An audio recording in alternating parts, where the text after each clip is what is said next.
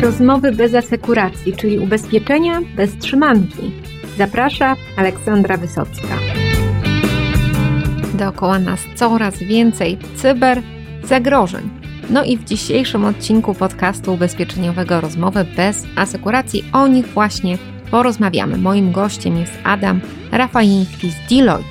Dowiecie się m.in. co to jest biały wywiad i czy ma zastosowanie w branży ubezpieczeniowej, no i tego, czy jeżeli super przeszliście audyt cyberbezpieczeństwa, to znaczy, że możecie spać spokojnie. Porozmawiamy też o ubezpieczeniach cyber i o cyberlikwidacji. Zapraszam do wysłuchania tego odcinka.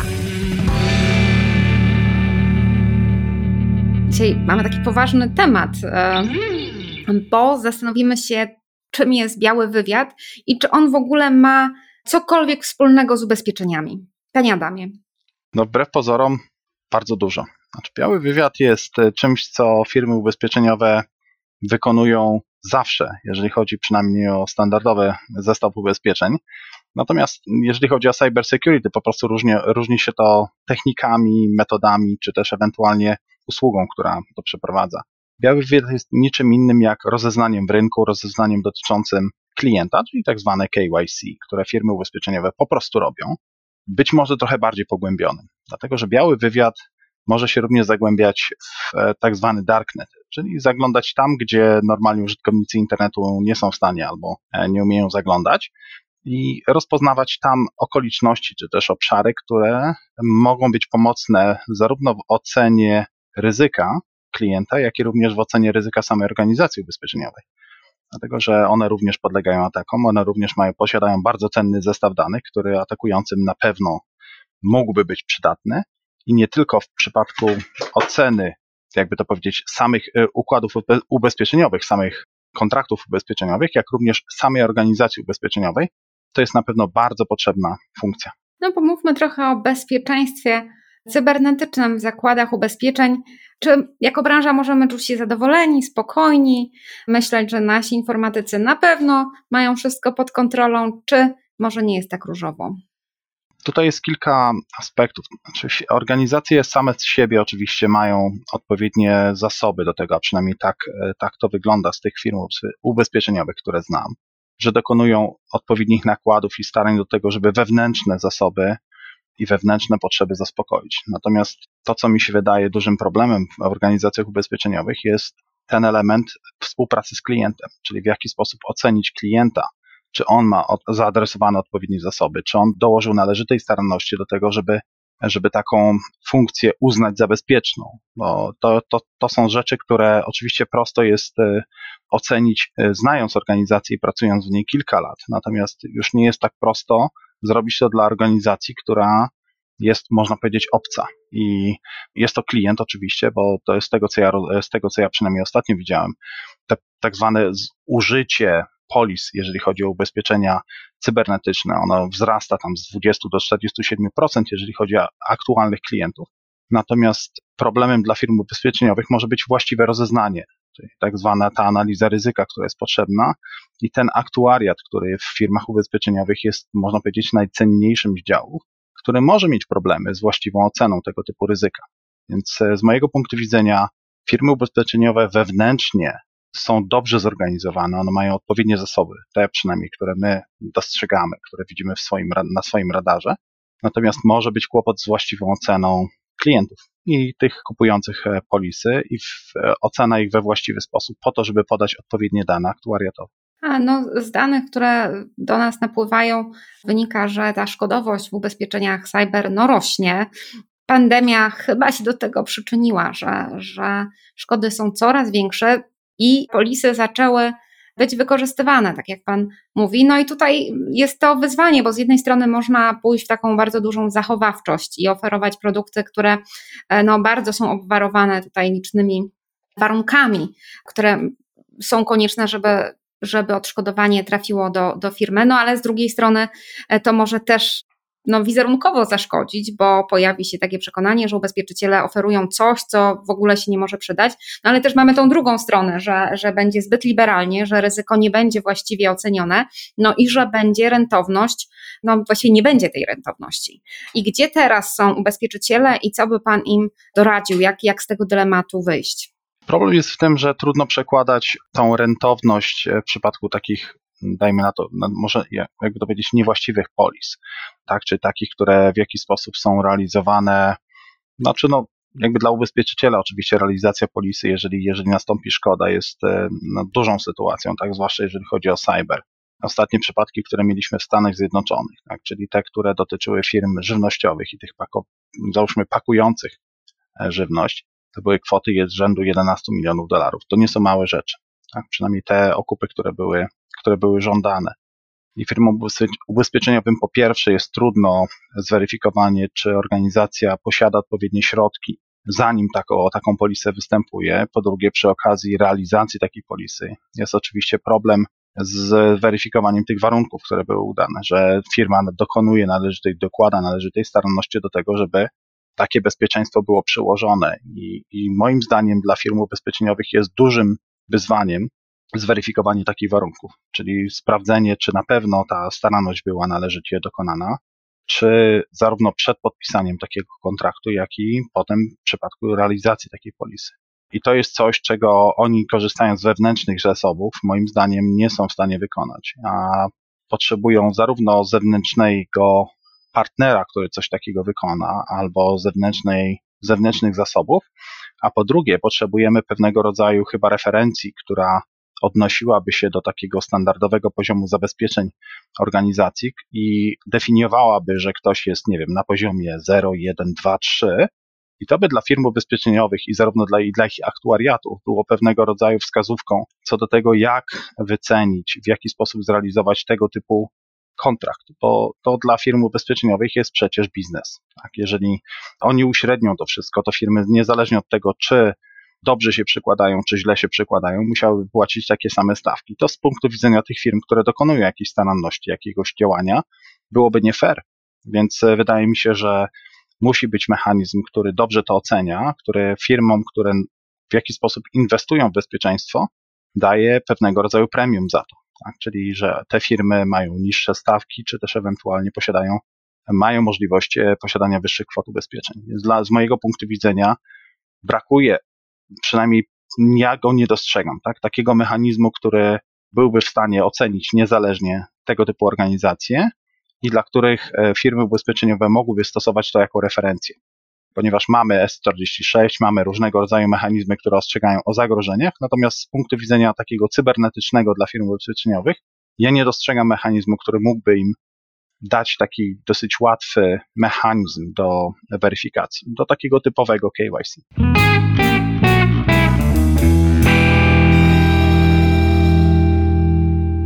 Z jednej strony mamy audyty cyberbezpieczeństwa, które są dość kosztowne i prawdopodobnie e, ubezpieczyciele będą się na nie decydować przy naprawdę dużych kontraktach. No ale też spotkałam się z takimi checklistami dla mniejszych firm, gdzie e, no, troszkę tak jak tutaj Pan sugerował, gdzie są takie stopniowalne różne od jakichś firewalli do, do jakichś innych tam bardziej już znacznie złożonych elementów i to się jeszcze prawdopodobnie cały czas zmienia, bo no, zmienia się przestępczość ubezpieczeniowa, no to muszą się też zmieniać zabezpieczenia, więc chyba jak nawet się ma taką podstawową checklistę do produktu cyber, no to, to ona e, chyba musi być cały czas weryfikowana, jak pan to widzi. I to jest właśnie cały dylemat trochę z cyberbezpieczeństwem, ponieważ zweryfikowanie jakiejś organizacji w maju i potwierdzenie nawet, że ona jest w 100% bezpieczna, nie powoduje, że 12 maja czy nawet 7 maja ta organizacja nie będzie podatna na cyberatak. Dlatego, że w przypadku tego środowiska może być tak, że dzień później, kiedy audyt zostanie zakończony, zostanie opublikowana podatność, tak zwany zero day, względem którego atakujący będą w stanie dostać się do organizacji. Niezależnie od tego, jak ona się starała wcześniej, oni się do tej organizacji mogą dostać. Więc problemem nie jest e, ten tak, zwany, tak, tak zwana pieczątka, która będzie wykonana raz na kilka miesięcy i zweryfikowanie tej organizacji pod kątem podstawowych operacyjnych elementów bezpieczeństwa, tylko raczej to, co powinno być potrzebne, to weryfikacja tego, czy proces, który w danej organizacji się odbywa, on się odbywa konsekwentnie, czy są do tego przydzielone odpowiednie osoby i zasoby, żeby to realizować i czy to się odbywa w sposób e, regularny. Ponieważ zrobienie, tak jak mówię, tego przed audytem, tak, czyli to tak zwane sprzątanie, malowanie trawy na zielono, czy jak to się tam nazywa, kiedy odbywa się audyt doroczny, spowoduje tylko tyle, że wszyscy będą w pewien sposób zaślepieni. Tak, no okej, okay, wszystko robimy dobrze, mamy paczowanie i tak dalej. Natomiast może się okazać, że miesiąc później to środowisko jest absolutnie zdeaktualizowane i ono wymaga jakby bardzo, bardziej intensywnych prac, więc bardziej są istotne takie rutynowe czynności, te, które odbywają się regularnie, codziennie, co parę godzin, czasami co, co tygodnie, tak, bo tak jak mamy w przypadku Microsoftu te poprawki są wypuszczane raz na tydzień, to to jest najbardziej istotne, żeby to dostrzec w organizacji, a nie do końca taki jednoroczny stempel audytowy. Więc tu mówimy o operacyjnej zgodności z pewnymi praktykami, bardziej niż ze standardami, które raczej wskazują dojrzałość organizacji, a niekoniecznie jej gotowość operacyjną. Tu mówimy tylko i wyłącznie o takim bezpieczeństwie wewnętrznym, tak? bo oczywiście jeżeli chodzi o klientów, to to są zupełnie inne kwestie. One oczywiście też się do tego mogą odnosić. Czyli jeżeli chodzi o klientów, to również powinniśmy zweryfikować, czy klient ma procesy i odpowiednio są zdefiniowane, ale dla organizacji, która w pewien sposób warunkuje podpisanie polisy, tak, czy w jaki sposób decyduje się na umowę z tego typu organizacją, musi być również istotne to, czy ten proces jest aktualnie uruchomiony i czy on jest regularnie procesowany, można to tak powiedzieć. Tak? Czyli, czyli to, jest, to jest zarówno dla nich wewnętrznie, jak i dla, dla klientów bardzo istotny element do tego, żeby zachować tą higienę, ja bym to tak określił. Tak? Ponieważ jeżeli to wchodzi w rutynę, to jest tak jak zamykanie zamka przy wyjściu z domu.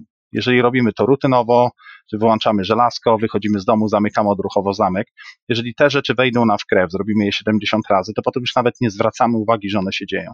Jeżeli robimy to raz na rok tylko dlatego, że przychodzi audyt, no to to już jest problem moim zdaniem. I jeżeli robimy to tylko dlatego, żeby spełnić wymogi określonego właśnie standardu, czy też audytora, czy też ubezpieczyciela, to moim zdaniem to jest troszeczkę, ma bardzo krótkie ręce, bym to tak określił. Tak więc, więc z tego punktu widzenia uważam, że organizacje raczej powinny praktykować zdolności czy procesy operacyjne i tym przedstawiać się przed ubezpieczycielem, że wykonują te rzeczy, że wykonują je regularnie, że są to rzeczy, które dla nich są absolutną rutyną.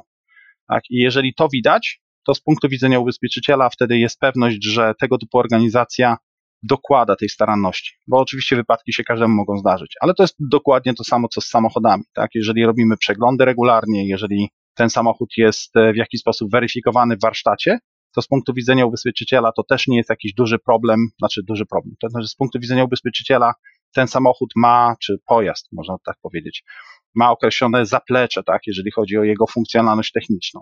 Oczywiście, jeżeli chodzi, przychodzi do realizacji polisy, to pewne rzeczy się sprawdza. I to jest też, moim zdaniem, czego ubezpieczyciele do końca nie potrafią jeszcze robić. Czyli jeżeli się zdarzy wypadek, jeżeli jest realizacja polisy, to wydaje mi się, że nie ma do końca takich zasobów, które byłyby w stanie w takiej organizacji, tak, tak zwani likwidatorzy szkód, bym to tak określił, tak? Czyli po pierwsze zweryfikować, co się stało, dlaczego się stało i co ewentualnie w tym całym procesie wystąpiło źle, jak również to, czego mi się wydaje jeszcze brakuje u nas na rynku, to są osoby, które byłyby w stanie organizacjom, które są ubezpieczone, pomóc podnieść się z takiego kryzysu. Czyli nie chodzi tylko o wypłacenie samej polisy, bo to też jest, można powiedzieć, wtórna rzecz, ale próba powstawienia tej organizacji na nogi, ponieważ z punktu widzenia ubezpieczyciela jest o wiele lepiej, żeby taka organizacja się odtworzyła i dalej była w stanie spłacić te składki, niż żeby padła. Tak, I tu mówimy o na przykład atakach ransomware, które potrafią organizację wyłożyć. Czyli oni generalnie są w stanie zaszyfrować wszystko i wtedy organizacja ma 2-3 tygodnie, żeby wrócić do normy. Jeżeli nie jest w stanie tego zrobić w tym czasie, to równie dobrze może po sobie pozamiatać. I to jest e, coś, co wydaje mi się w rynku ubezpieczeniowym, nie do końca w samych firmach, ale być może w serwisach, które dookoła tego się dzieją, powinno istnieć. Czyli zespół, który jest w stanie, tak zwany SWOT team, ja bym to określił, zespół, który jest w stanie wejść w sytuacji kryzysowej, zweryfikować w imieniu ubezpieczyciela, zweryfikować tą sytuację, ustalić, co jest do uratowania i zdecydować, czy ewentualnie jest co ratować. i ewentualnie pomóc takiej organizacji to uratować, ponieważ mniejsze firmy naprawdę mają bardzo duży problem z e, takimi wykwalifikowanymi zasobami cyber. Mamy to cały czas na takim radarze. Widzimy, że w Europie brakuje ponad 18 tysięcy wakatów cyberowych. Atakujący doskonale z tego zdają sprawę. Mniejsze organizacje są naprawdę bardzo łatwym celem. Jeżeli tam nie ma wykwalifikowanego personelu, można je dosyć łatwo zaatakować. Jeżeli te organizacje się ubezpieczają, to moim zdaniem w interesie ubezpieczycieli byłoby posiadanie nie do końca nawet takiego działającego u siebie zespołu, bo to może być dosyć kosztowne do utrzymania, ale posiadania czegoś w rodzaju takiej umowy, która mogłaby organizacje z nimi współpracujące właśnie mogliby wysłać do takiej firmy i pomóc jej dokładnie w tym momencie, tak, w tym trudnym momencie, bo to są, to są sytuacje, w których bardzo rzadko liczy się pieniądze. Tak, jeżeli mamy sytuację taką, w której nasze systemy transakcyjne i produkcyjne są zaszyfrowane, to to nie jest moment, w którym się człowiek zastanawia, czy powinien wydać 50 czy 100 tysięcy.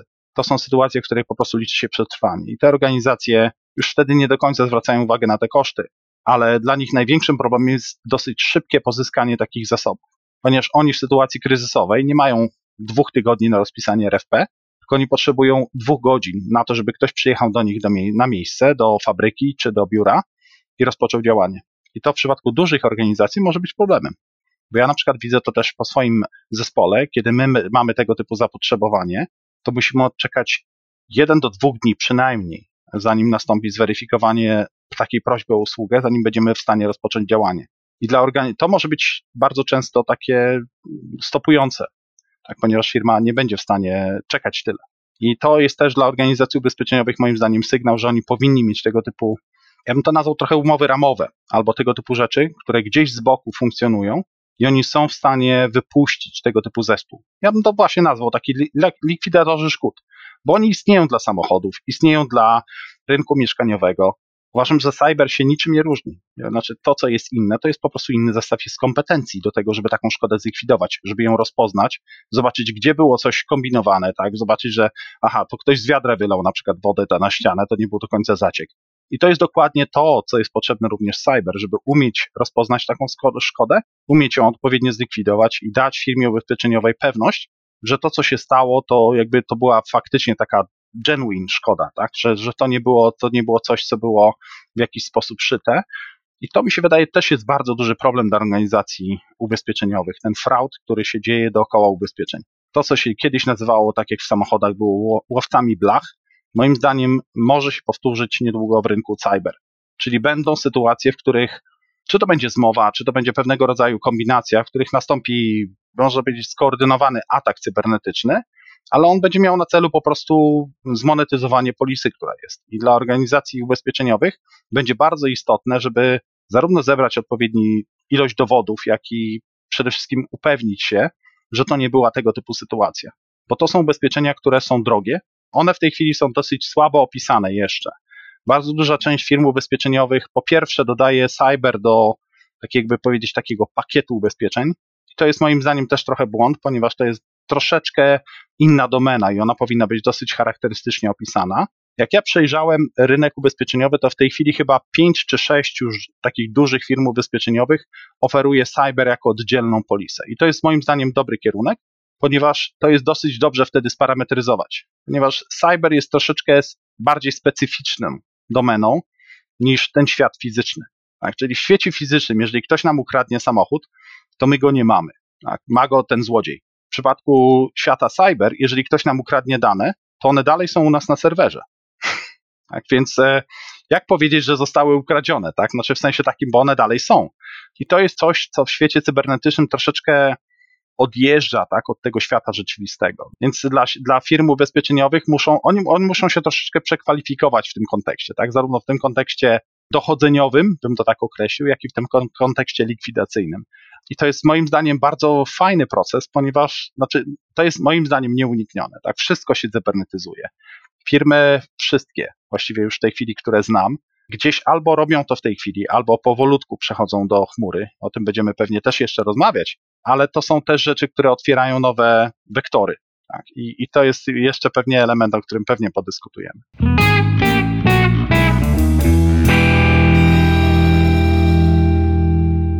No, żeby tego wszystkiego było mało, to dochodzą tu nam również e, prawdopodobne zmiany w prawie.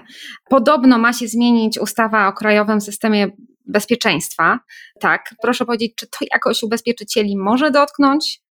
Większość firm ubezpieczeniowych, które ja miałem okazję poznać, posiada sprawnie działające komórki zajmujące się monitorowaniem cyberbezpieczeństwa wewnątrz tych organizacji. To są organizacje duże, stabilne i moim zdaniem sobie dobrze z tym radzą. Natomiast to, co się zmienia w przypadku tych nowych regulacji, to jest konieczność uczestniczenia w tak zwanym systemie ISAC, czyli systemie wymiany informacji o zagrożeniach, incydentach i potencjalnych ryzykach, które mogą dotyczyć branży. I jeżeli, jeżeli ostatecznie okaże się, że firmy ubezpieczeniowe będą w tym reżimie musiały funkcjonować, będą musiały również zdecydować się, na ile i w jakim stopniu taką i takimi informacjami się podzielić z tym systemem. Ponieważ tam będą zarówno banki, będą firmy ubezpieczeniowe, ale również będą wszystkie inne organizacje, które z punktu widzenia tej ustawy są traktowane jako podmioty krytyczne. I krytyczne, istotne, bo to, to w tej chwili, tam są w tej chwili dwie definicje w tej ustawie się pojawiają. I ta informacja będzie się dzieliła, znaczy będzie, będzie się pojawiała również dla ich konkurencji, więc e, oni będą musieli to wziąć pod uwagę. I o ile z punktu widzenia ochrony cyberbezpieczeństwa my uważamy, że to jest oczywiście bardzo dobra sytuacja, że informacje o zagrożeniach, o potencjalnych atakach i wektorach są współdzielone, o tyle z punktu widzenia biznesowego to jest sytuacja, którą trzeba w jakiś sposób rozpoznać, umieć ją zaakceptować tak, dla biznesu, ponieważ trzeba to przyznać. Ten świat hakerski, ten świat darknetu, on już się dzieli informacjami. On to robi niezależnie od tego, czy nam się to podoba, czy nie. Oni dzielą się informacjami o podatnościach, sprzedają informacje o tym, czy jakaś firma ma jakieś dziury. Tak? To jest po prostu rynek. Jeżeli my nie będziemy się dzielić informacjami odnośnie podatności, odnośnie ryzyk, i będziemy walczyć samotnie, to to po prostu będzie wojna jednego człowieka i to moim zdaniem będzie nie do wygrania.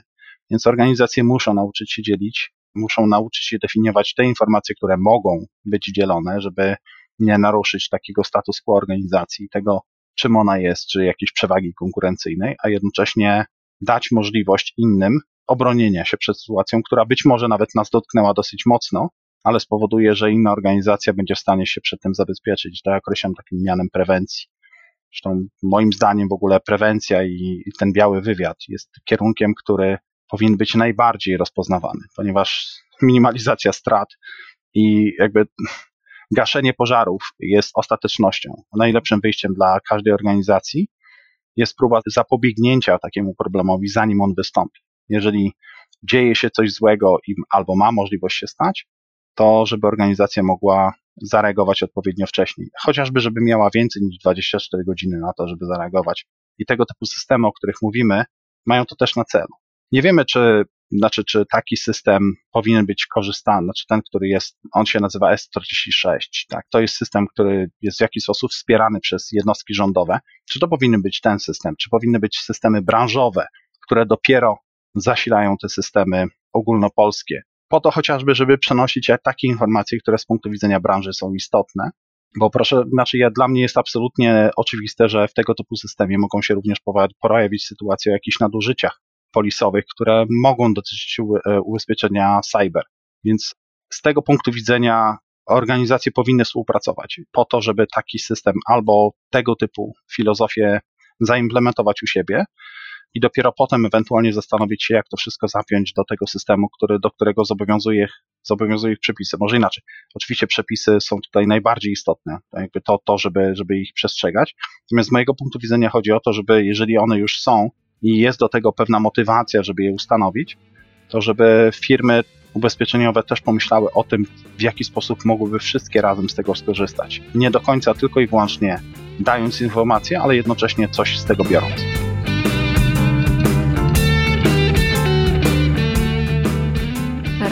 Cyberbezpieczeństwa rośnie w gospodarce i wszystko wskazuje na to, że już niedługo przed nami również intensywny rozwój ubezpieczeń cyber. Warto się nimi zainteresować i obserwować to, co ubezpieczyciele mają do zaoferowania w tym temacie. A ja dziękuję za wspólnie spędzony czas, no i zapraszam do wysłuchania również innych odcinków podcastu ubezpieczeniowego Rozmowy bez asekuracji.